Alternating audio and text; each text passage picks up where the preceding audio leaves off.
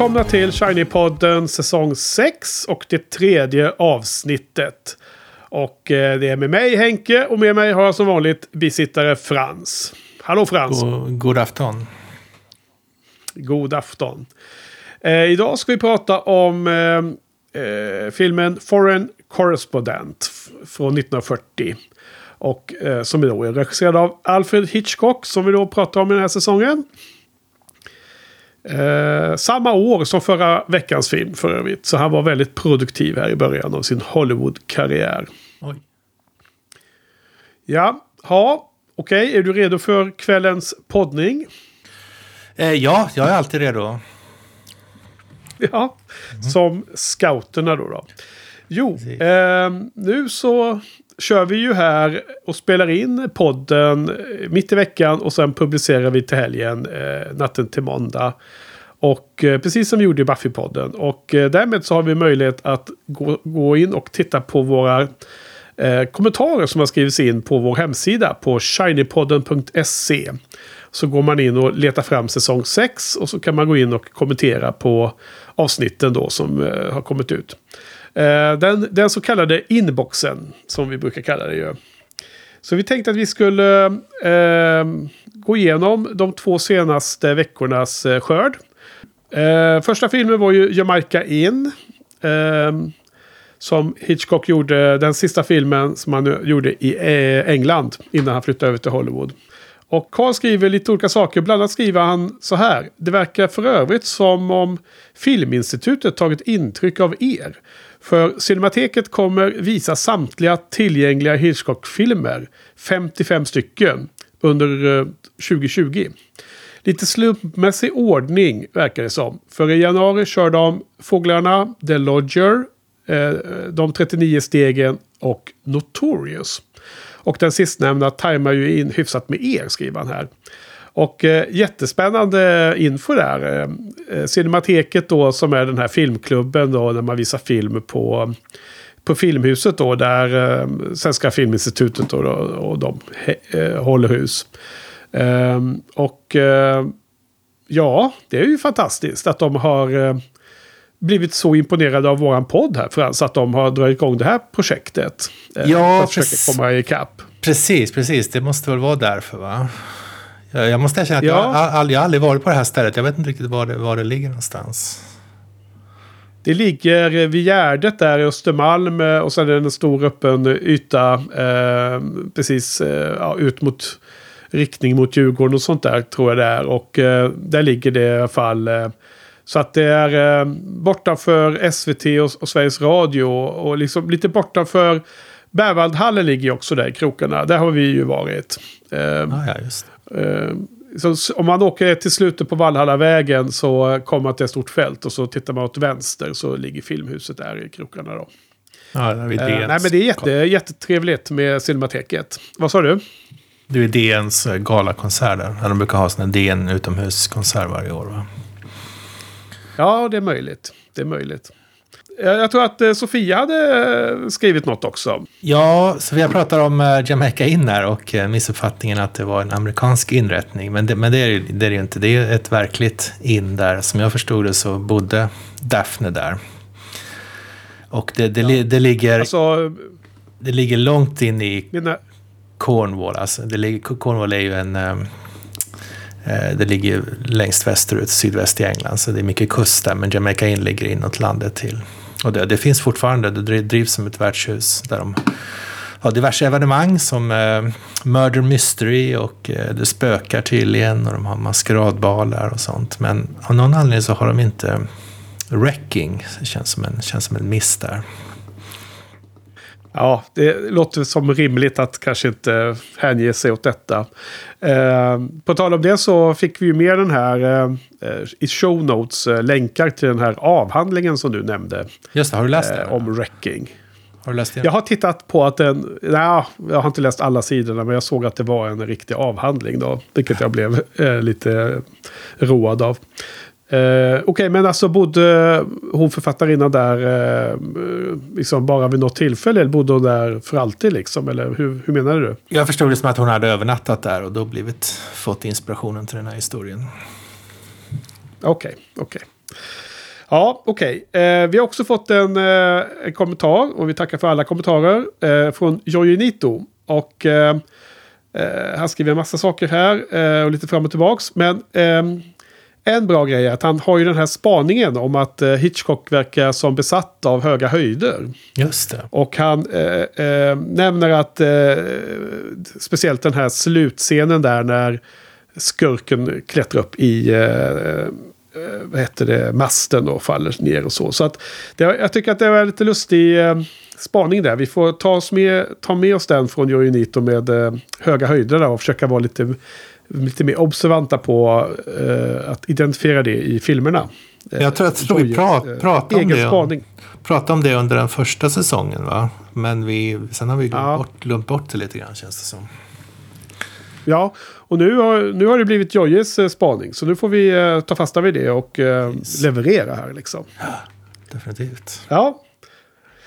Okej, så det var den första eh, filmen. Sen förra veckan pratade vi om eh, Rebecca eh, från 1940. Och eh, denna film som eh, blev en vattendelare lite här i, i poddteamet. Och, eh, du gav den 5 av 5. Eh, en ljuvlig och underbar film. Som du gärna såg gå om eftersom du eh, tyckte att den hade så eh, otillfredsställande, eller ofullständigt slut, eller vad var det? Ett eh, olyckligt slut. Nej, inte olyckligt, men inte, inte fullt tillfredsställande. Uh, Okej, okay, så bra. Och jag var inte lika lättskärmad av uh, Maxim de Winter och hans nya fru. Så att jag gav den ju 2 av 5. Uh, så vi har fått in några kommentarer om detta avsnitt också. Eh, och det är Sofia igen då. Ja, mycket, mycket lång och välformulerad och mycket intressant. Det finns ett antal saker. Jag ska ta upp några saker kanske. Att, eh, dels när det gäller det här temat om en ung och oskyldig person som dras in i en hotfull eh, situation. Så ja, såklart att det, det förekommer ganska ofta. Jag, vad, jag var lite ute efter som jag kanske inte fick fram ordentligt i podden var just det här långsamma uppbyggnaden av eh, hotbilden. Både hon själv och läsaren tror att hon är, är, är trygg, men långsamt, långsamt så, så, så, förnimmar man att någonting inte står rätt till. Och det var det som jag tyckte var lite unikt med de här två berättelserna. Men, men det, är, det är säkert inte unikt det heller. Nej. Och, och, sen så det andra var ju det här om karaktärerna som du var inne på, att du inte gillade framförallt Maximilian. Och, eh, och det, det, är något som jag måste erkänna att jag, jag har funderat på det ganska mycket de senaste dagarna. För att när jag jag läste den här boken första gången som väldigt ung och det var väldigt lätt att sätta sig in i de här känslostormarna som hon upplevde här och empatisera med det. För hon, hon eh, även om hon ganska, man vet inte hur gammal hon är när hon berättar det här, man får, man får väl intrycket av att det är en bra bit senare i livet och att hon berättar någonting som hände henne när hon var ung. Och ja. hon är ju väldigt ung, men hon är också uppenbarligen upp över öronen förälskad i Maximilian. Men ändå så väljer hon att beskriva honom på det sättet som hon gör. Hon väljer att dra fram de här episoderna där han har bestett sig som ett svin mot henne. Så jag, jag tycker att även om hon beskriver sig själv lite som, ett flam, som en flamsig och eh, vek och undergiven så är det ändå ganska modigt tycker jag. Så därför så tycker jag att man kan eh, eh för, försöka sätta sig in i, i hennes känslor och inte bara förkasta henne som, som vek och undergiven och kanske inte heller bara förkasta Maximilian som ett svin för att hon har ju ändå ändå valt att leva med honom trots att hon har beskrivit de här episoderna. Ja, alltså det är ju... Eh, eh, det kanske är så att hon är modern eh, och även att alltså, författaren har, beskrivit en karaktär som är modern i sitt eh, eh, angreppssätt att kunna vara självutlämnande till exempel. Som det, det finns sånt. Men eh, någonting som eh, de här kommentarerna och jag har ju också varit inne och läst både Sofia och jag är dit och har ju skrivit eh, filmrecensioner på filmen Rebecca då, på sina bloggar.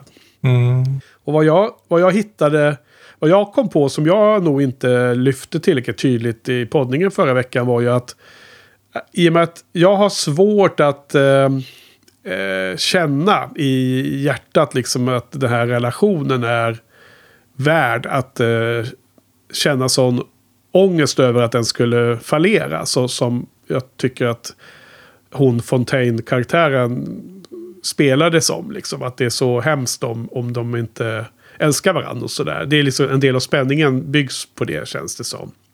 hon, är orolig liksom om hon duger och allt vad det är. Och om jag inte köper den relationen eller känner av att den relationen är, är viktig eller värd. Så, då, då faller ju lite filmen stakes. Det här som är så viktigt för att få en riktig nerv. Att man måste ha stakes. Måste Ja. ha något som, det måste betyda någonting.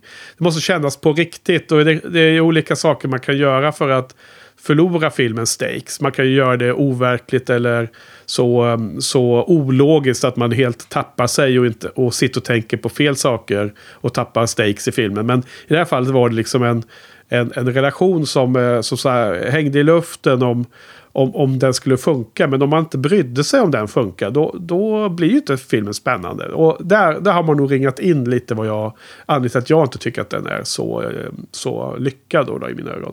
Ja, och jag kan tänka mig att om jag hade sett den här eller läst den här första gången nu så hade jag antagligen tyckt likadant. Men jag ty tycker som, som tonåring, tonåring det var, det var Ja, katastrof om, om, någon, om någon relation misslyckades, även om den var just det. dö- dödsdömd från början. Och nu- är man mycket äldre och man känner inte alls på det sättet. Så, att, så att jag, jag kan absolut tänka mig Ja, att ja. om jag hade sett den nu för första gången hade jag inte alls upplevt den på samma sätt.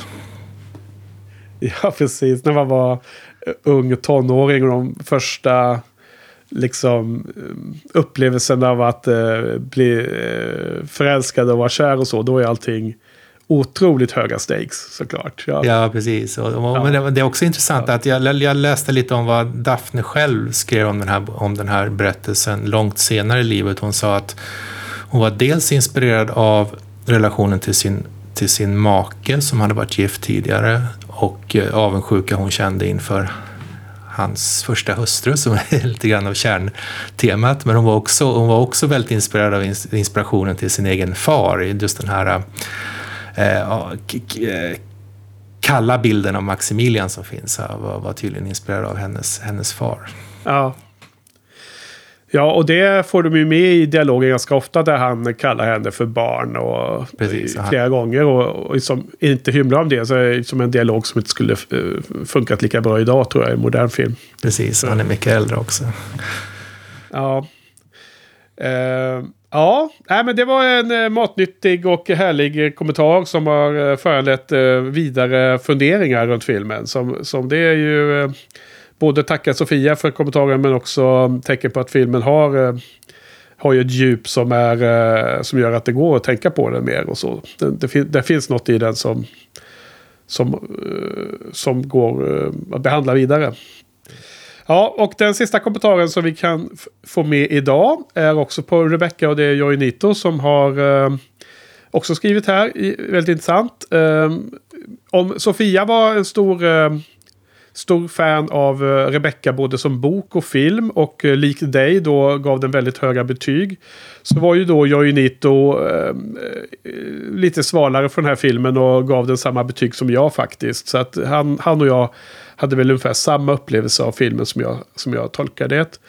Eh, men också intressant en del eh, eh, vidare funderingar som har blivit.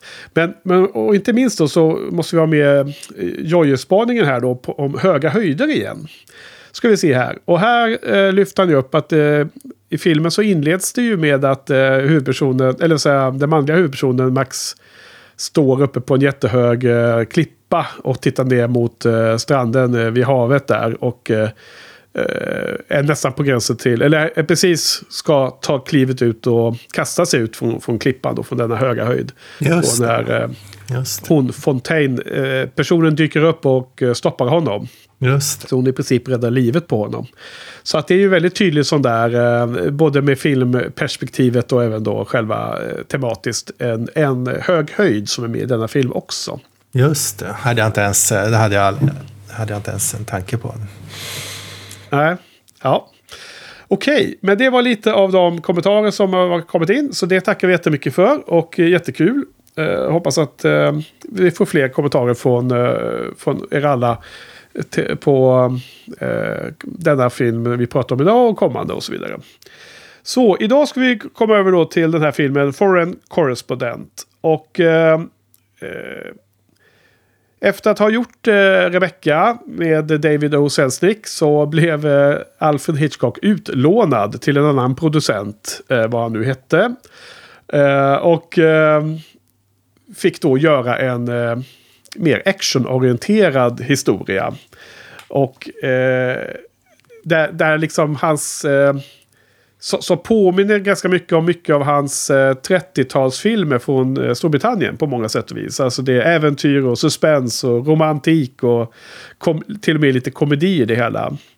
Och eh, eh, för att inleda här, kasta upp liksom en tanke. Jag såg en intressant eh, liten kommentar i någon av, av allting jag läst om den här filmen. Att det är liksom som en eh, mittenpunkten om man tar ifrån Eh, 39 Steps. Och så har det utvecklats lite så blir det då den här filmen, Foreign Correspondent. Och sen utvecklas det mer och sen slutar det i North by Northwest.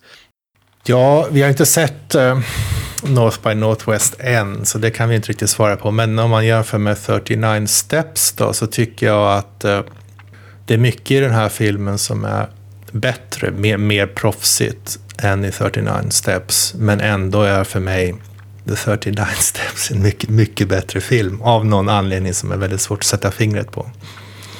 Okej. Okay. Vad spännande. Eh, men, men, kan, men, du, kan du ändå försöka med fingret och peka?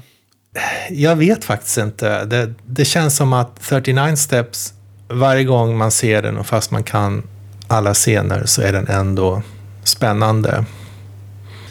Och den här ja. filmen blev ganska ospännande så fort jag kom ihåg den. Ja, ja. ja intressant. Uh, den är ju uh, uh, ganska hyllad nu, verkar det som, av, av bra många. Den, har ju fått en uh, Criterion Collection-utgåva. Som jag för övrigt har sett, för jag har ju den, har köpt den. som är en dubbeldisk på DVD och den andra skivan har en eh, bland annat en dokumentär om de tekniska eh, tricksen. Alla de här eh, eh specialeffekterna som Hitchcock fick med i den här filmen. Han hade ju en jättebudget jämfört med vad han var van att jobba med. Och eh, som också var mycket större än eh, normalt sett. Den här eh, producenten hette ju eh, Walter Wanger. Eller något sånt här, Wanger. Och han, eh, han brukar ha stora budgetar men det var liksom ännu dubbelt så stor den här gången. Och det är ju sådana här praktiska specialeffekter. Det var ju en tidsera där man inte hade datorgrafik liksom. Så att väldigt spännande dokumentär faktiskt som jag såg. Ja, ja. Vilket gjorde att jag personligen liksom har höjt min eh, eh, vad heter det, respekt för filmen när det gäller det tekniska innehållet. Just det. Och sen var det också en, eh, en timme lång drygt äh, intervju av Dick äh, Cavett. Och, äh, väldigt kul intervju med Hitchcock. Äh, alltså hans humor är ju väldigt underfundig och alltid med helt deadpan. Han liksom ser helt allvarlig ut och säger de mest absurda saker. Så att han, intervjuaren satt ju på att garva hela tiden liksom åt hans svar. så det var lite kul. Okej, men du har redan antytt lite. Om du skulle bara säga på en hög nivå lite generellt vad du tycker om filmen så ska vi komma in på detaljerna om en liten stund.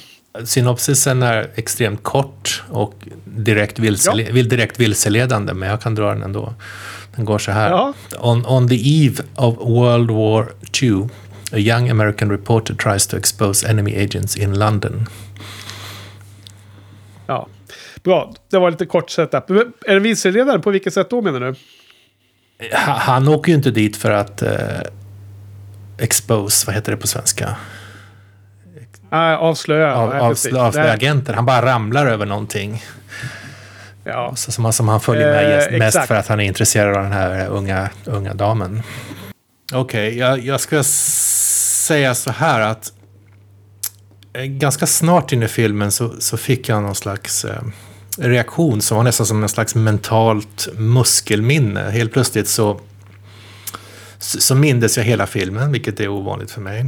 Men, men det jag framförallt mindes var upplevelsen av att se den första gången. Och, som, som barn, väldigt ung. Och, okay. och hur otroligt spännande man tyckte den var. Jag minns inte själva ja. Eh, spänningen i scenerna, men jag mindes känslan av, att, av spänningen. Och att, vilket vilket ja. otroligt äventyr det var. Man var i New York och London och Amsterdam och det var väderkvarnar, det var sjöflygplan och allt det där. Förnimmelsen av vad man kände när man såg det här första gången som, som barn var, mindes jag extremt tydligt. Och, och, och sen så triggade det en, en massa andra minnen från barndomen också. Så att jag, liksom, jag, jag flöt bort lite grann under, under stor del av filmen, måste jag erkänna, i de här minnena. Men, eh, ja. Ja. Men, men sen så kom ju slutscenen, som jag, alltså den som var efter att filmen egentligen var slut, som jag inte alls hade något minne av, som kom som en total chock för mig. Jag vet inte om vi ska prata om... Vilket menar du? Eh, den här, det absoluta slutet? Det absoluta slutet när han håller ett tal där som sen övergår i en helt bisarr eh, körsång. Ja, ja, ja. Precis. Eh, på, tal om, på tal om minnen. För övrigt så låter det ju som en fantastisk eh, upplevelse för övrigt att få de här minnena från barndomen och så kopplat till den här filmen. Så det, jag menar, det måste ju vara på plussidan, eller? Absolut. absolut. Upplevelsen, ja, var, ja. upplevelsen var fantastisk, men jag, men jag, jag, jag kände, trots det så fick jag aldrig någon riktigt varm känsla för filmen. Liksom. Den, den, nej, jag, nej. Vet, jag vet inte varför. Så du var inte, du var inte så eh, positiv då efter den här titeln, eller? Nej, jag, jag, tyckte inte att den var särskilt spännande som sagt. Och jag, jag satt och jämförde med de här Cary Grant-filmer från 40-talet som också var så här lite propaganda artade filmer ja. från kriget och jämförde huvudkaraktären. Och det var sam, samma som jag sa om jämförelse med 39 Steps. Jag tycker den här skådespelaren var, är bättre än Cary Grant, men ändå så njuter man mycket mer av att se Cary Grants filmer trots att han är en, eh, i alla avseenden tror jag, sämre, sämre skådespelare. Jag, jag, jag, det är väldigt svårt att förstå varför man tycker något som är tekniskt sämre är, är, är bättre. Men det är väl det som är ja, men, definiera konsten. Ja, men alltså, Car så där får du inte säga Frans. Cary Grant är ju svinbra. Det är ju precis som du sa förra veckan, att eh, det finns inget som är rätt och fel. Det är bara magkänsla och det är det man, det är det man själv ska stå för, vad man tycker. Ja, eh, vi ska återkomma till några av de här punkterna som du lyfter där. Både eh, den manliga huvudskådespelarens eh, eventuella förträfflighet och även det här med propagandabitarna. Eh, och sen ska vi också inte glömma att eh, nämna att vi spoilar ju filmen väldigt eh, hårt här. Så att eh, det, om man vill undvika att bli spoilad så får man eh, ja, Eh, trycka på stopp och sen kolla på filmen och sen återkomma till podden. Eh, men lite på hög nivå vad jag tycker. Eh, alltså jag, jag, jag tyckte att den var väldigt festlig. Jag, jag tyckte att det var mycket roligare att se än se om Rebecca som jag gjorde förra veckan. samtidigt kan jag ju liksom i någon mening absolut se att Rebecca kanske är mer eh, bra, alltså bättre jord om man säger. På något slags eh, eh, ja, film, filmhistoriskt. Eller eh, vad som är betydelsefullt för liksom inom film... Eh, eh vet det, parametrar. Eh, eh, men, men vi ska ju prata om vad vi upp, hur vi uppfattar filmen och vad vi tycker är bra och dåligt och vad vi liksom, ja, hur pass eh, engagerad man blir av filmen. Och då, då slår den här eh, Rebecca på fingrarna, ja, absolut tycker jag. Härligt. Um, och, och jag, jag, tycker att den, eh, det är inte så överraskande att de jämför mycket med vissa av de här filmerna från från 30-talet. Och eh, det nämndes ju The 39 Steps. Och jag tycker att den till och med är kanske ännu mer jämförbar med den här The Man Who Knew Too Much som vi såg. Den första versionen. Eh, jag tyckte det fanns vissa moment i filmen som påminner mer om den. Men, men då är den här otroligt mycket bättre gjord av rent så här film, eh, vad heter det, production values. Product, production design eller art design och allt det här va. Ja. Så eh, Eh, Eh, så jag, jag, jag, tyckte att den var liksom uh, fyndig på många sätt. Och den var liksom uh, livlig och uh, lättsam att se. Så det uppskattade jag. Uh, sen så tyckte jag inte att det här paret som det handlar om, den mannen och kvinnan, att det var ett speciellt intressant par att följa. Det var inte liksom speciellt engagerande. Utan det var ju de här bitarna i olika scener, stora scener, sådana set pieces som de fick till som var eh, kul att se. Och jag har även då fördjupat min åsikt om det efter jag så, såg den där dokumentären om hur de gjorde vissa av de här sakerna. Så att eh, så är det. Så det är inte top of the line detta, men det är i alla fall snäppet bättre än Rebecca skulle jag säga. Mm. Men det låter ju som att du hade ungefär samma uppfattning som jag då, att den var tekniskt välgjord men inte så engagerande. Ja. Ja du, du, det, sa, du, det, sa, du sa jämförde med, med Rebecca, kvaliteten på, på produktionen. Och en sak jag noterade var att min, min kopia av Rebecca, jag tror jag såg båda på Amazon, på Rebecca kändes som en, den var som en helt modern film. Det var liksom perfekt bild och allting. Medan Foreign Correspondent var ganska us, usel kvalitet på den. Det märktes verkligen att man tittar på en film från 40-talet. Kan det ligga något i det, ja, okay. det bara, kvaliteten på kopian? Ja, det är möjligt. Alltså, nu hade jag ju köpt eh, Criterion Collection och den är ju gjord på 10-talet. 2014 eh, tror jag den kom ut. Och och eh, där har de gjort en sån här restaurering av en originalfilm eh, och sådär. Och de har liksom, du vet, eh, eh, för, ruta för ruta tagit bort smuts och allt möjligt liksom. Och det är en sån här... Eh, man, man pratar om så här 4K-restaurering, men det här var någon form av 2K-restaurering, vad det nu kan stå för. Men att det var väl en, en, en lite mindre högupplöst eh, version då, eftersom en gammal film. Så ja, jag tyckte att den var superbra. Eh, eh, när jag började kolla på den så såg jag att den här C, eh, den här logotypen från Criterion Collection som kom i början. Då, det var ju helt, eh, helt avlångt åt sidan. Så att då hade jag glömt att ställa om tvn då till eh, rätt format. Så att den är ju så här 4 kolon 3 ungefär. Jag tror det är 1,37 kolon 1 egentligen. Och det är ju som mer eller mindre som en eh, gammeldags tv-format då. då. Ja, just det. Eh, så att eh, jag är rädd för att jag... Man undrar om, om jag såg Rebecca i, i rätt eh, format där. Eller om den var lite för bred. ja. Helt snedvriden. Nej, men det, det, blir inte jättestor skillnad. Man ser det tydligast om man ser en, en perfekt cirkel. Liksom. Då ser man att den är oval då istället. Uh, det är inte jättelätt att se om man bara ser vanliga scener. Nej, men vad jag menar är att liksom den här eh, centrala mittendelen av Rebecca på 70 minuter. Där är ju liksom stämningar och sättet att framföra handlingen, liksom storyn är ju excellent utfört liksom. Man blir ju inte förvånad av att de 1941 där, eh, vintern 40-41, liksom öste Oscars-nomineringar över Rebecca för att eh, det var ju väldigt eh, bra gjord för att, och speciellt för att vara, gissar jag, för att vara liksom slutet av 30-talet, början på 40-talet. Hade den här filmen um, några, några nomineringar? Ja, faktiskt eh, så hade den det. Den blev också nominerad samma år som Rebecca. Och den fick sex stycken nomineringar. Eh, och det var också bästa film och eh, bästa manus, bästa foto.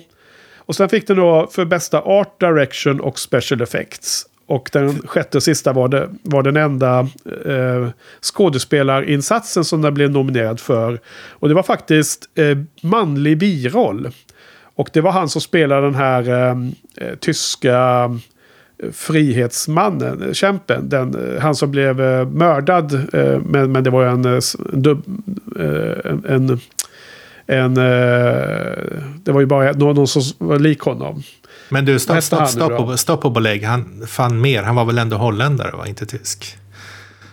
Ja, kanske han var holländare kanske. Ja. ja. Han, Albert Basserman, han blev nominerad för ja. den här insatsen. Han var inte med så jättemycket, men han var väldigt bra i, speciellt i den där, eh, han höll en fin monolog där när han blev torterad av de här. Just ja. Vad, du, du skrattar. Rått och kallt här. Ja, jag tyck, tyckte det var väldigt tillgjord. men okej. Okay. okay. Jo, det, det, det, var fin, den var fin, fin på många sätt, men uh, ja. Det var, det var bland annat den scenen när, eh, när han blev liksom förhörd. Och, eh, extremt lustigt att de använde så amerikansk jazz som någon slags tortyr. och, och, det funkade. Det var som att det var modern musik och då var det som en glad 40-talsjazz. Då, då. Ja, Tänkte du på det? Nej. eh, nej. Ja, men i alla fall. Han, eh, det var den scenen ibland som påminner mig lite om när den här The Man Who Knew Too Much. När de var och härjade i den här kyrkan eller vad du kallar det. Någon soltempel. Ja, just det. De hade den här orgelmusiken där ja. Ja, det var liksom själva typ av miljö och sådär. Mm. Men, men i alla fall, eh, filmen vann inga av dessa. Så att, eh, men nominerad till sex är ändå, menar, då är ändå någonting som är ganska bra. Eh, jag ska bara, får jag eh, loopa tillbaka till några av de grejerna som du sa i din eh, sammanfattning där. Ja. Eh, vad heter det? Jag har ju läst eh, i eh, intervjuboken med, med Truffaut. Och jag har läst en annan bok jag har med, om Hitchcock. Och sen har jag också läst en essän som är i eh, som kommer med i Criterion Collection-DVDn. Så är själva den lilla folden där inne så är det liksom en essä på åtta sidor ungefär.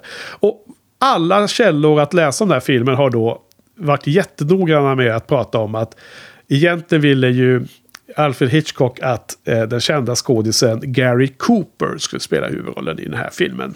Jaha. Men, men på den här tiden så då ansågs den här typen av spänningsfilm eller thriller eller om det var spionfilmen i det eller vad det nu kan vara.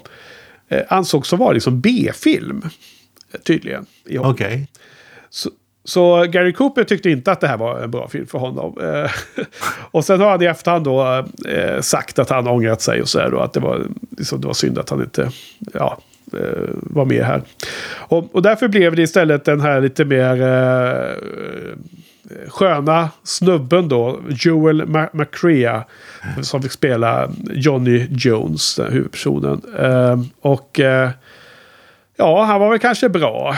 Eh, han känns lite som den här eh, anonyma huvudpersonen i Young and Innocent. Du vet den där eh, filmen vi såg med någon eh, snubbe som blev oskyldigt anklagad för ett mord på någon kvinna vid någon strand. Och sen åkte omkring i någon bil och blev jagad av polisen mm, hela filmen.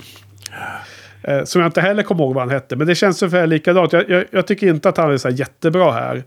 Uh, och den skådisen gick vidare och spelade en del komedier och sånt sen då. Jag tror att han, han hade säkert en lång karriär. Och han spelade bland annat i den här Preston Sturges kända film Sul Sullivan's Travels som, som jag har sett. Så att jag har sett skådisen någon mer gång. Ja, jag tyckte han var, han tyckte han var snärtig och bra, bra i den här rollen.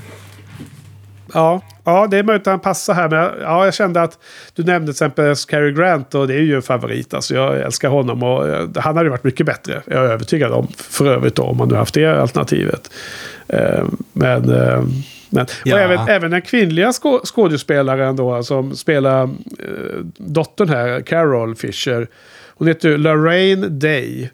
Och det var ju inte heller något så här känt namn. Och jag har aldrig hört det namnet förut. Och jag vet inte, jag menar, hon var ju gullig och sådär. Men det var, det var inte så att det gav något starkt intryck på mig. Jag vet inte vad du tyckte om hon, henne i, i den här filmen.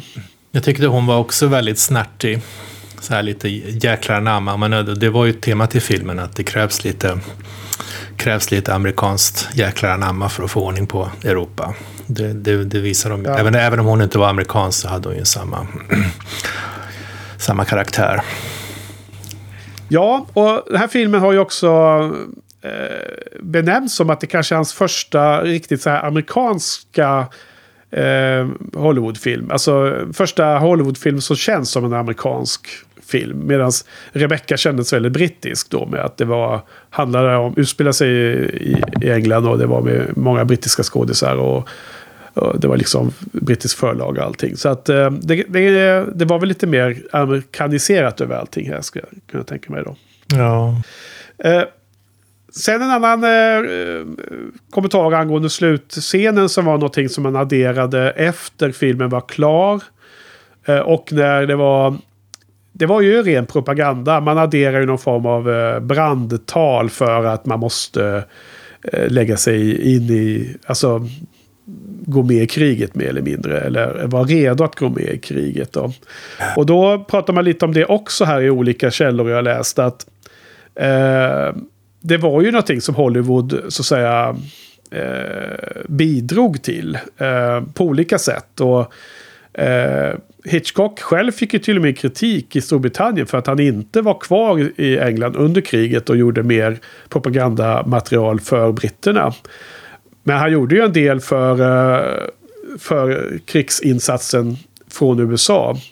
Eh, bland annat reklamfilm och sånt som användes eh, för att bland annat något material som han, han tog fram som var som information om att man inte skulle prata bre, bredvid mun för att det kunde sprida sig till slut och via liksom eh, spioner och andra till fienden.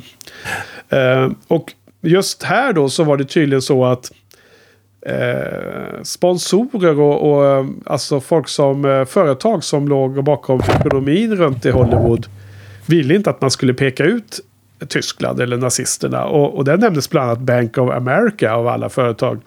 Och det var därför som det var det här lite fåniga att eh, de inte kallades för tyskar, de här, eh, de här onda i filmen. Utan det var ju Borovia eller något liknande, hette ja, just land då. Ja, precis. Vilket jag tyckte var väldigt fånigt, men det fick sitt, sitt, sitt svar. Och ändå så har man ju, Hitler nämns i alla fall eh, vid namn några gånger och det finns någon bild i någon bakgrund och så här. Så att det, det ska inte gå att missförstå vem, vem som de onda är i alla fall. Ja, eh, har du några eh, spaningar som du skulle vilja lyfta? Några funderingar runt filmen? Ja, jag tyckte det var en del, en del lustiga scener. Det var en, eh, när han, eh, själva mord, mordscenen här, den här stageade mordscenen var ganska rolig. Han, stod, ja, han sköt, honom, sköt honom på en trappa och det var liksom tiden stannade nästan. Han, det dröjde jättelänge innan han, eh, innan han dog och föll och det dröjde länge innan skurken började fly. Och, men sen så, när, sen så efter när han flydde så var det en väldigt rolig jaktscen som utspelade sig under ett hav av paraplyer. Så ja. filmat ovanifrån och, och det var en rolig scen. Ja, och det, den har jag också med som en av favoritscenerna. Just det här eh, paraplyerna som man ser hur folk rör sig vid. Ja, under dem, de, de eh, eh, trycks åt sidan lite. Och det, det var det var lite oklart därför att eh, jag tyckte att Hitchcock hävdade att där hade han ju tänkt ut bara för den visuella effekten som vi upplevde. Men någonstans så läste jag också att det berodde på att de hade för få statister. Det gjorde att de... Eh, har man eh, paraplyer så behöver man inte se att det, att det inte är fullt med folk under. Ja, just det. Men sen, ja. sen så slutar den här, den här jaktscenen ute på landet där vid någon väderkvarn. Och då, då, ja. då bara stannar de helt plötsligt och sen så blir det världens, eh, som du brukar säga, västgötafars. De drar massa dåliga vitsar med varandra bara. Totalt ja. brott Jag fattar ingenting det. Ja, det, du menar att det blev, tonaliteten blev helt knasig? Eller? Ja, allt, allting bara bröts av. Liksom. Helt, det var jättespännande när de jagade, men sen så bara tog de sig tid. Äh, nu, nu ställer vi oss här och drar, drar vitsar. Ja, ja alltså, jo. Eh, jag vet inte, det, det, är ju alla de här genrerna. Det är ju lite humor i det hela. Alltså de vitsarna var kanske inte det bästa i filmen, men det fanns ju antydan till sån här screwball comedy i mycket av dialogen i alla fall. Alltså de, de, var ju, de hade ju en ganska så här snärtig dialog mellan varandra och inte minst mellan eh, eh huvudpersonen då, Johnny och sen hon, eh, Carol, den här tjejen och sen den här lustiga andra journalisten som hette Scott Folliot. Som stavas med två F. I, oj, små F. Så det är helt hysterisk bakgrundshistoria av det som folk får titta på filmen för att uh, få, få, få förstå. Men de, de tre var ju liksom en ganska kul trio. Bland annat så satt de i bilen där, när det var den här biljakten som du nämnde här nu, ut till väderkvarnarna. Mm. Och den dialogen tyckte jag var väldigt uh, uppfriskande ofta och, och bra. Men, men jag, jag, jag kommer inte ens ihåg om det var några farsartade västgötaskämt där. Men det, det kan det väl ha varit. Ehm, men däremot så glider ju den scenen in i en jättebra häftig scen tycker jag. När han, går, när han är inne i eh, en av väderkvarnarna och det där skurkarna är. Och han eh, smyger upp och ner och gömmer sig fram och tillbaks. Jag tycker hela scenen är ganska bra stagead och väldigt eh, häftigt eh, filmad med olika vinklar. Vi har ju det här Jojjes spaning där med höjder och så. Han, han står ju högt upp och tittar ner på dem och vice versa. Och han är ute på taket och klättrar allt vad han gör. Men, men framförallt så tycker jag att hela scenen är så himla cool för att det är, så det, är det här eh, schyssta ljuddesignen på hela den scenen. Man hör det här knarrande ljudet av eh, kvarnens. Mm. Eh, alla kuggarna som gnider mot varandra. Eh, liksom och grindar sig verkligen. Hela den scenen är... Är, eh, blir väldigt eh, e- extra effektiv av det ljuddesignen tycker jag. Ja. Faktiskt. För förstod du någonsin varför, varför väderkvarnen gick åt fel håll? Ja, eh, jag förstod kanske inte exakt hur de gjorde det där inifrån. Men det var ju en signalering till det flygplanet som flög omkring ovanför dem. Ah, Okej, var det så Att, att de skulle landa och plocka upp de här folket. Ja, det var det som var, ja. Just det. Och det, och det, det förresten, det, det, det antyder på en grej som jag tyckte var lite jobbig. Att det tog ganska lång tid innan man förstod varför skurkarna hade iscensatt den här komplicerade planen. Man, de hade låtsats mörda honom men i själva verket kidnappat honom. Men man förstod aldrig varför förrän långt senare i filmen. Nej. jag. Men det, ja, och det är ju filmens McGuffin då. då. Eh, och då får vi ju repetera det. McGuffin som Hitchcock hittar på är ju någonting som eh, huvudpersonerna i filmen är jätteintresserade av och drivna att eh, eh, hämta eller hitta eller skydda eller vad man nu än ska göra.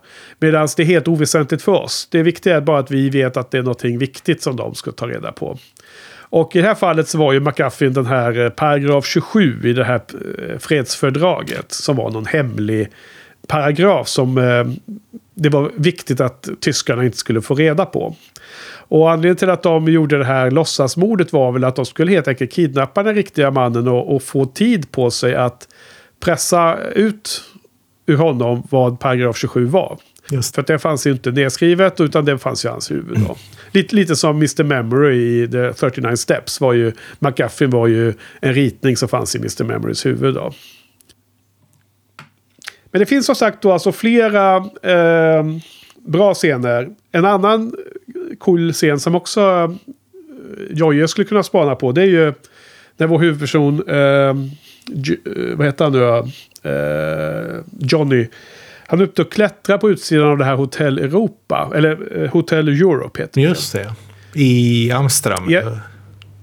Ja, det är det precis i Holland innan de åker tillbaka. Så det här påminner lite om den här eh, scener som... Eh, dels finns någon Bond-film eh, där de är ute och klättrar på utsidan. Men, men framförallt så tänkte jag på den här The Born Identity. Där första filmen med Matt Damon han håller på att klättra på, det, eh, på sånt vis. Så att nästan så att man undrar om det är en... Uh, ja, det, det, kanske inte, det kanske är generiskt. Men jag, jag, jag blir påmind av Born Identity i alla fall. Men där är det i alla fall... Uh, han klättrar och har sig det högt upp och det är farligt att titta ner och allt vad det är. Och sen uh, så är det ju... Eh, neon, eh, bokstäver i neonskyltar. Och det står ju Hotel Europe. Och eh, lite lustig detalj där att eh, L, eh, bokstaven L i Hotel eh, lyser ju inte. Och sen när han klättrar så måste han ju eh, hålla sig i någonting. Så då, då tar han i det här E i Hotel. Och då går ju det sönder så att den neonskylten, den bokstaven släcks. Och då står det bara Hot Europe kvar. Så att det är liksom en liten signal där att det, det händer hemska saker i Europa. Ja, det var roligt. Eh, en annan sak. Eh, eh, jag nämnde att eh, jag hade sett på de här eh, lilla dokumentärfilmerna om alla specialeffekter. Och det, det var ju mycket grejer de har hållit på och fipplat med här. Alltså, eh, när man har sådana här, eh, exempelvis bild, eh, scenen med väderkvarnen, men också scenen med Hotel Europe när han klättrar. Då, då har de så här matte painting heter det. Där, där man, man filmar in två olika tillfällen och sen så eh, väver man ihop bilderna. Alltså man, man lägger dem lägger ihop dem. Man i princip gissar jag klipper ut eh, del, en, del, en övre del kan vara från en film och undre delen från en annan film. Och de görs helt exakt så att man inte ska se den här gränsen. Så att eh, de spelar in allting med skådespelarna och så i, i Hollywood, i USA och eh, oftast i sån här eh, on stage. Liksom, de bygger upp en stor eh, eh, flygplanskropp och så filmar de där inne liksom och så med skådisarna. Men, men det exteriörerna är ju inspelat i London och i Holland. Och eh, exempelvis med väderkvarnarna så är ju allting liksom en riktig miljö. Men sen har man då klippt under tredjedelen ungefär är då den filmen när man ser skådisarna som kommer i bilen och sånt. Så det är, det är filmat liksom i USA medan större delen av bilden som syns med väderkvarnarna är från Holland. Ja. Eh, och exakt samma sak gör, gör de med uh, klätterscenen i Hotel Europe. Där, Där de bara har byggt de översta två våningarna. Och det står på golvet i en studio. Så att när han klättrar där så är han ungefär en halv meter ovanför golvet. Och sen har de då filmat på ett riktigt hotell. Som de då klipper in så det är under halvan av, av bilden vi ser. Så det, det, förstår du? De har ju så lagt ihop två. Uh, så det var ganska advanced. Uh, och den här uh, fotomannen som åkte över till Europa för att filma det här. Det, det, det var ju 1940 va? Eller sent 39, vad vet jag. Så ja. han, han fick sin film och sen tog han ju båten tillbaka till Amerika. Och så blev de ju torpederade av tyskarna. Så båten sjönk ju. Usch då. Och han överlevde. Så han kom hem till Amerika. Men filmen var ju för, förlorad. För det hade ju sjunkit. Så han fick ju åka tillbaka till Europa och filma igen. Göra om det. Det var helt absurt. Men ut, utan missöden ja. då den gången. ja, då gick det bra. Um, Sen har vi inte nämnt den här eh, stora eh, actionscenen i slutet då med den här flygplanskraschen nere i havet och att eh, flyget sjönk, eh, flygplanet sjunker ner och de räddar sig och så. Vad, vad tyckte du om hela den sekvensen? Var det, såg det realistiskt ut? Var det spännande? Och, ja, vad tyckte Nej, du? Det var, inte, det var inte speciellt spännande. Det, det var väl... Eh, jag, jag tänkte inte så mycket på om det såg realistiskt ut. Men däremot så tänkte jag på hans otroliga hjältemod när han eh, skurken begick självmord, kastade sig i havet, men han kastade sig efter för att försöka rädda honom. Just det, skurken kastade sig för att rädda sin dotter. För att de skulle få... Eh, flytkraften räckte inte så att han, eh, han var ändå körd tyckte han. Så han räddade henne. Men då är det huvudpersonen då försökte då fiska upp eh, skurken. Ja, men men var det hjältemodigt eller, eller var det för att han ville ställa honom inför rätta? Eller vad var det? Nej, jag tror han gjorde det som, som en hjälteinsats. Han kastade sig in ja. i de, här kalla vågorna och försökte hitta honom med fara för eget ja. liv. Ja, det var fint gjort. Ja. Det var lite orealistiskt. Ja, det var orealistiskt. Okej, nu är jag med. Nu hänger jag med i din. Uh, ja, nej, men det... Uh, jag, jag, tyckte att det var... Eh, också helt orealistiskt. Men, men det enda jag brydde mig om i den scenen var just att pappan där kastade sig i havet och liksom typ eh, vis, visade sig från sin goda sida till slut. Han hade ju försökt förlika sig lite med dottern där på flygplanet innan de blev nedskjutna av tyskarna. Men, men hon var ju hon var ju uppenbarligen, kommer hon ju inte gilla det han hade gjort, liksom att han var nazist och allt det här. Ja, nej precis. Så. Eh, nej, men jag, jag, håller med. Jag tyckte väl att eh, den hyllas som attan om man ser den här dokumentären. Och även om jag läst lite på nätet så, så hyllas det som att det var väldigt... Och det var säkerligen som specialeffekt då 1940 så kan jag nog jättegärna köpa att det var advanced. Uh, nu, nu är det ju alldeles... Eh, jag menar nu är det supersvårt att bli upphetsad av en sån här scen. Eh, det ska till andra saker för att man ska liksom bli riktigt så här begeistrad när man sitter och ser en sån här gammal film ju. Men när man ser bakom eh, dokumentärer om bakom kulisserna var, hur de har gjort det här, då blir man ju mer imponerad igen, alltså, som jag varit inne på tidigare. Så lå, låt mig berätta lite kort hur de gjorde det. Alltså. De, de, de byggde ju den här eh, flygplanskroppen eh, av ett sånt här sjöflygplan som användes då på den här tiden. Ehm, för det fanns inte så mycket stora flygplatser så att det var väldigt bra att kunna landa och eh, starta i vatten. Då, så att man hade sådana flygplan tydligen då. Så att de, de har byggt den och de filmar ju allting med du vet, vatten och allting. Precis som tidigare filmer som bland annat Jamaica in. När de, när de liksom fyller en, eh, en studio med vatten då. För att spela in den här typen av scener. Och bland annat så får man se hur vattnet stiger där inne. Och eh, det är ju folk som drunknar då eh, i handlingen. Och då är skådespelarna, då ser man vattnet stiger ända upp till taket. Och då är så taket gjort av ett papper som de då trycker sina huvud upp genom för att få luft liksom. så att eh, det, det, är liksom, man, man är lätt att man också tror, man är så van med att de fixar och lurar oss med saker och ting nu med moderna filmer. Så att man tänker inte på att 1940 så, så blev det det som kameran fångade liksom. Ja, det, det, finns inte så mycket efter, efterproduktion som man kan göra, gissar jag. Mer än att de håller på och fipplar med den här matte painting eller vad det nu heter. Men det var en detalj.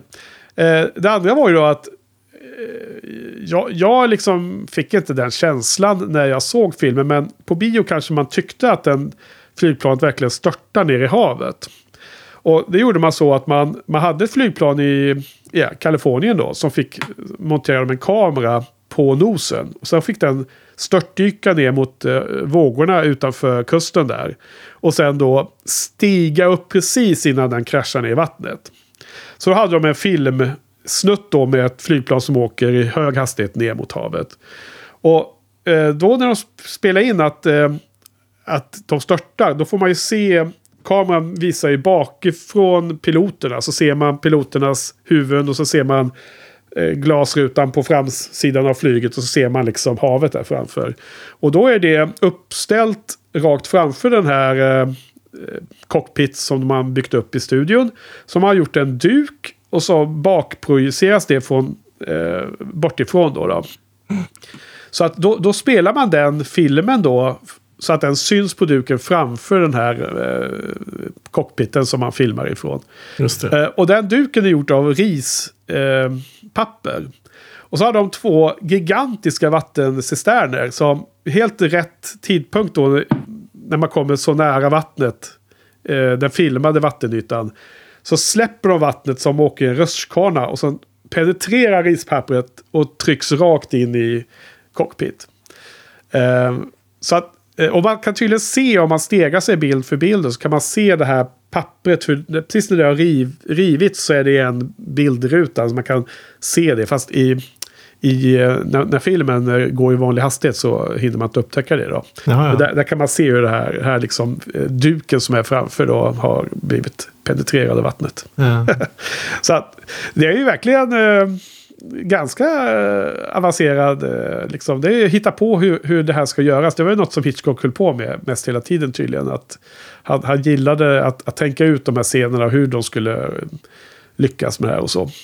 Så, så det här var lite som eh, tidigare då, att det var kallt vatten och skådespelarna fick ta tagning efter tagning och allting. Och du vet, det var ju den andra filmen, det var ju någon som hade dött av lunginflammation då, som har blivit... Man tänker ju sig att det... Mm Nej, men det var inga fataliteter den här Dåligt. gången. Nej, jag tror inte det. Ja. Så det var lite uh, olika. Har du några mer uh, funderingar? Eh, nej, det har jag inte. Det var, jag, som, som jag sa tidigare så blev jag lite chockad över den här inklippta slutscenen. Men det har vi pratat om. Ja, precis. Eh, vi har ju en eh, Hitchcock-cameo som kommer väldigt tidigt i filmen. Eh, han går förbi där, jag tror det, det var väl i New York om jag minns rätt. Men han syns i alla fall utanför något kontor där. Om jag, jag kommer inte ihåg. Jag, jag bara märke till att det var ganska tidigt. Och jag, jag inte, såg du honom? Nej, det gjorde, det, gjorde jag inte. Jag har missat hans, hans cameos genomgående tror jag. Jaha, okej. Okay. Aj då.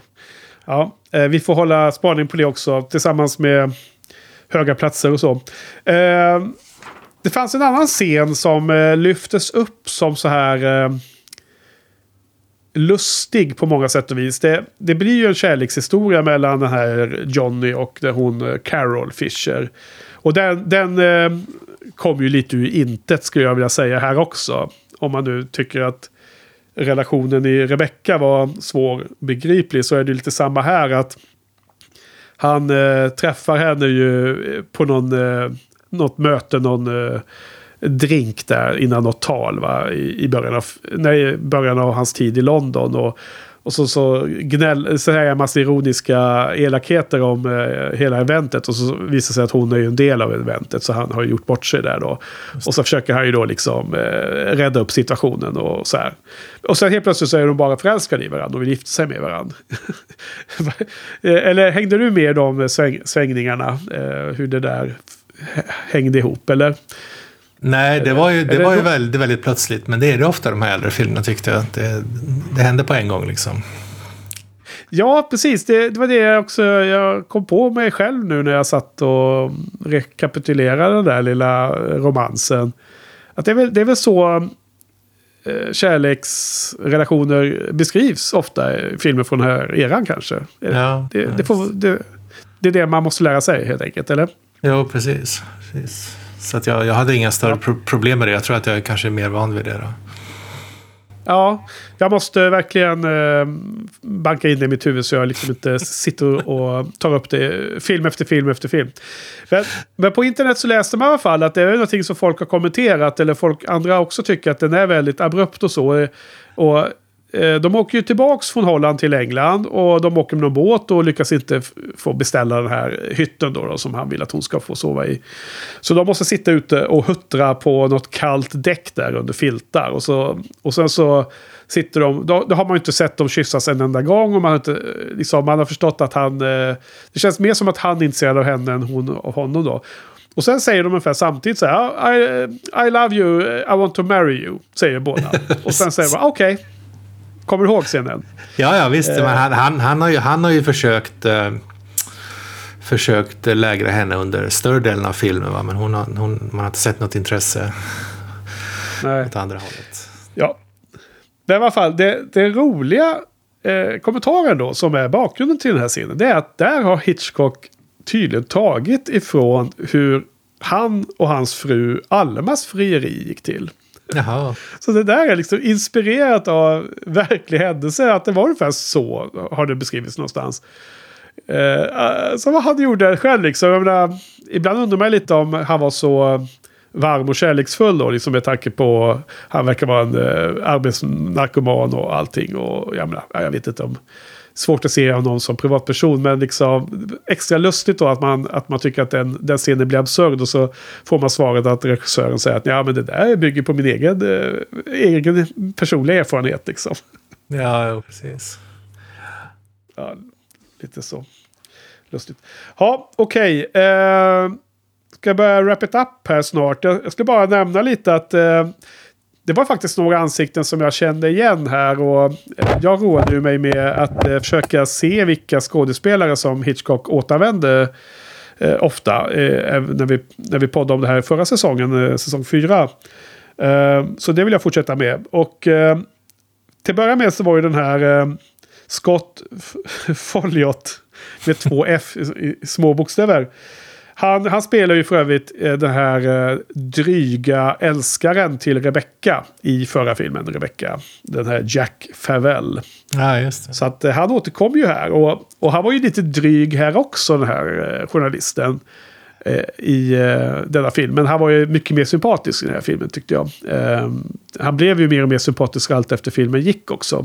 För i början så såg jag ju, oj det är ju den där jobbiga jäveln från Rebecca liksom. Som också försökte med utpressning och sånt i slutet på filmen. Rebecca. Alltså, du, kände igen Och- honom och på så- en gång? Ja, jag gjorde det. Ja. Ja. Nej, han var väldigt lik sig själv. Men eh, ja, men det är klart. Man, eh, om, man, om man inte liksom förväntar sig det så, som du sa förra veckan så, så ser man det inte riktigt. Och Man, man har kanske eh, hur, hur män, människans hjärna kan fungera ibland. Liksom, att, att det kommer ur, eh, ur eh, eh, i fel sammanhang så det, kan det vara svårt att se. Så det kan jag förstå. Men det var ju, känner du igen någon av... Det finns två andra manliga skådisar som vi har sett eh, i huvudroller i tidigare filmer. Eh, nej, det kan jag inte påstå. Och eh, jag skulle också vilja säga kanske att om, om man känner igen en skådespelare så är det ganska dåligt betyg. Va? Det visar att de inte, man inte, Ja. ser, inte ser dem som karaktärer. Ja, så kan det ju vara såklart. Men det är också ett renodlat bara utseende. Bara att man känner igen, jaha, det är James Stewart. Liksom. Eller, Ja, det är jo, Cary Grant. Liksom. Du, du känner igen skådisar. Ehm, och jag gör väl det kanske lättare, vad vet jag. Men en som jag tydligt kände igen, men som jag var tvungen att slå upp. Det var ju han som spelade den här uh, Rowley. Som var den här eh, så kallade eh, livvakten, men som var egentligen en hyrd mördare. Och som, eh, när de för övrigt var uppe i det här eh, höga tornet då, för att blinka till Jo- Jojje där igen. Uppe i det här kyrkotornet och han skulle bli nedputtad och allting. Var det han som var, hade det här korta namnet? Du ska kalla honom för Rowley. Ja, han hette väl Rowley i, i filmen. Okay. Ja, Krog. Det var inte han som var Krog, Krog va? Han som sköt honom. Nej, inte Krug, utan han var en, en sån eh, London-dialekt och han var liksom en eh, kort och väldigt satt herre som ehm, du vet, pappa Fischer eh, beställde ju en, sa ju till huvudpersonen att du måste ha en livvakt här. Ja, ja, han. Ja, ja, precis. Ja, men honom har vi ju sett ja, när du säger det nu. Ja, han, eh, se om jag kan placera det då. Någon av de här äldre filmerna, va? Ja, Var han betjänt? Var han, den här, var han betjänten i den här filmen med häst med boxarna eller något sånt där? Nej, lite yngre. Inte så gammalt. Det var från den här filmen som heter The Skin Game. Så var han en av de här pappan, en lite så här bred snubbe som satt Yes. där och bjöd på den där, eh, den där lilla eh, tomten som de käftade om där. Eller som de var, hade konflikt om. Ja, ja, okej. Edmund Gwen. Mm. Ja, eh, man känner igen namnet också. Han har hett alltså Mr Hornblower. I, eh, det var han som var den här uppkomlingen som var industriman som skulle köpa allting och bygga, Precis, bygga fabriker där. I den fina brittiska eh, landsbygden. Han var det ena. Men sen har vi också den andra då. Och det är ju han som spelar nazisten. Alltså pappan, Fisher. Fisher, ja. ja han, honom kände man ju lite grann igen, ja precis. Jag tänkte att han var en känd, känd skådis. Nja, eh, han är ju ganska känd och när vi pratade om honom förra gången så tror jag att vi kom fram till att han hade gjort väldigt mycket på film. Eh, kan du placera honom i vilken eh, av våra tidigare sedda Hitchcock-filmer som han har varit med av? Gud vad svårt. Svårt. Nej, jag kan nog inte det tyvärr. Nej, för han var också då tio år yngre faktiskt. Jo, men det är ju den här eh, Herbert Marshall. Han som förlorade ett ben i första världskriget. Och han spelade ju den här Murder. gentlemannadetektiven i Murder. Just det. Det var en av dina favoriter va, i första säsongen. Absolut, den gillar jag fortfarande. Med den härliga relationen med hon, eh, hon kvinnan som var dödsdömd för ett mord hon inte hade begått. Det här var ju en bra, bra eh, platonisk kärlekshistoria som hade lite, fanns med i bakgrunden där, tyckte jag. Just det. Det här är ju betydligt äldre, ja. Ändå bara tio år som du säger. Jo, han har framförallt lite bredare va, i ansiktet och runt kroppen så att eh, han, han har ändrat sig mer än de andra. Men det var någonting som gjorde att man bara kände igen honom hela tiden. Ja, precis, precis. Men han är mer grå, han har grå, lite grått hår också i den här filmen. Ja, mm. ja okej. Eh, några slutord om detta före betygen? Eh, nej, det, det har jag inte. Nej. Okej, men då eh, vad ger du för något betyg för eh, denna film? Foreign Correspondent. Eh, jag misstänker att det är ditt, din tur att säga först då. Okej. Eh, jo, men jag, jag ger den 3 av 5. Eh, och det är magkänsla och ren, går rent på underhållningsvärde i det här fallet. Ja, härligt. Jag, jag ger en 2-2.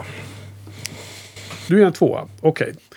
Det är eh, högt och lågt. Eh, så vi är lite nä- närmare varandra skulle jag vilja sammanfatta det som än vad vi var förra gången. Eh, men, och det, det är kanske rimligt då, då med tanke på vad vi har sagt här. Just. Ja, okej. Så um, då uppmanar jag alla som eh, har råkat ha sett den här filmen. Eh, kanske har plockat upp den på en Criterion Col- Collection. Eller har sett den i våran eh, kommande filmelista och valt att eh, titta på den på grund av podden. Eh, så hoppas jag att ni hör av er med vad ni tycker. Eh, håller ni med eller inte och så. Eh, det vore jättekul. Så får vi se vad vi får inför nästa vecka. Eh, på tal om nästa vecka så ska vi se nästa film. Och det är den första av två som eh, Alfred Hitchcock gjorde 1941. Och det här är då en film som heter Mr. and Mrs. Smith. Och det här är något av en, en udda fågel tror jag i eh, Hitchcocks eh, filmografi. För att det är alltså en screwball comedy. Och det tror jag inte han gjorde så här jättemånga av. Alltså, det är inte, inte förlagan till den här uh, moderna Mr. Nej. Mr. Smith. Jag tänkte just på den, den, den med eh, Brad Pitt och Angelina Jolie va? Ja, precis. Ja, jag, trodde att, jag trodde att det var Suspicion vi skulle se nästa gång. Okej, men då får vi hållas på halster lite till då. Ja, men jag tror att vi ska gå i den ordningen som eh, de kom ut va? Ja, jag visste ju när jag hade, hade med fel bara. Ja, du har bara kollat på året där. Men eh, Mr. och Mrs. Smith kom ut i januari redan. Eh, så den måste ha gjorts under 1940 i princip. Och eh, sen så kom ju då Suspicion ut eh, i november 1941. Eh, och där i eh, Suspicion så är ju Cary Grant. Så äntligen, det är underbart. Precis, ska bli precis. Jag tänkte, ljuvligt jag tänkte, den. tänkte just det att man kanske hade, att man var lite otålig när man såg den här filmen för att man, den var emellan Rebecca och Suspicion. Men det visade sig att det, det, det var en till emellan där som försöker ge, ge den en ärlig chans då. Mr. och Mrs. Smith. Ja. Men alltså jag har inte sett eh, någon av eh, de här filmerna vi ska göra nu ända fram till eh, eh, Notorious. För den har jag väl sett, har jag för mig. Är det med Cary Grant också eller? Det är fram, det det, framförallt, Ja, det. framförallt med, eh, ja, vi får se. Ja, just det. Notorious har jag sett. Så är det. Men eh, inget annat av det här fram till jul. Så att eh, det är nya upplevelser för mig allihopa. Och det kan, vi ju, det kan ju också ligga som en kontext att du har sett de här filmerna eh, tidigare och ibland många gånger tidigare. Så att det är klart att det är skillnad där också. Ja. Ja, okej. Men du, då får vi väl tacka för idag. Och på återhörande nästa vecka. Och eh, gå in på shinypodden.se och skriv kommentarer. Och så ska vi tacka Niklas Lundqvist för eh, signaturmelodin. Och eh, så tackar vi för idag Frans. ja, tack Henrik. Tack publiken. Vi hörs igen nästa måndag. Adjö. Mars.